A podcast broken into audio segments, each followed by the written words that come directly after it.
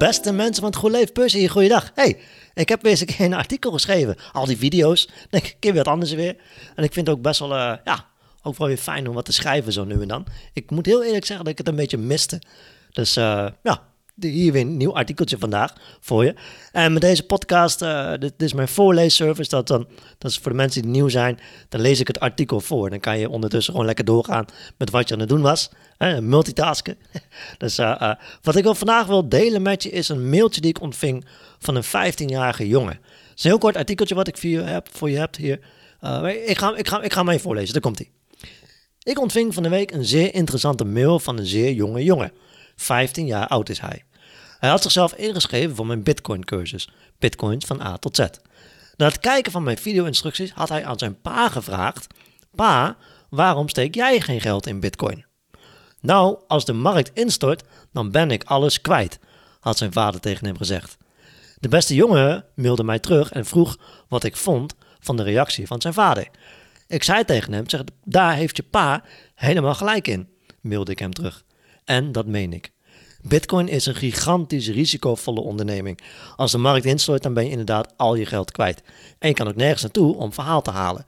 Weg is letterlijk weg. Zijn vader had dus gelijk.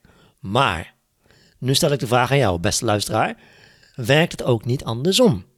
Want wat als de markt stijgt? Wat dan? Wat als je nieuwe onderneming een succes zal zijn, in plaats van ervan uitgaan dat het fout zal aflopen?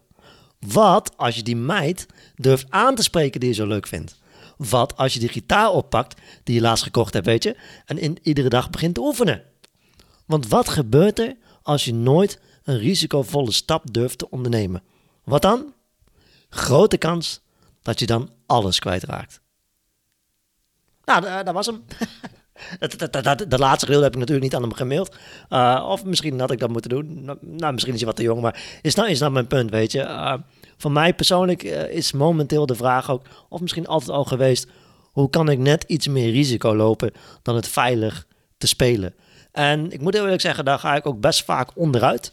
Maar met een paar aantal dingen ben ik misschien, kom ik er wel bovenuit, snap je? Dus dat is een beetje de balans opmaken. Maar ik denk als je nooit een risico durft te nemen, dan. Ja. Dankjewel voor het luisteren. Uh, heel fijne, fijn weekend. Of ik weet niet wanneer je dit luistert. En uh, ik spreek je weer in de volgende podcast en nieuw artikel of video. Cheers!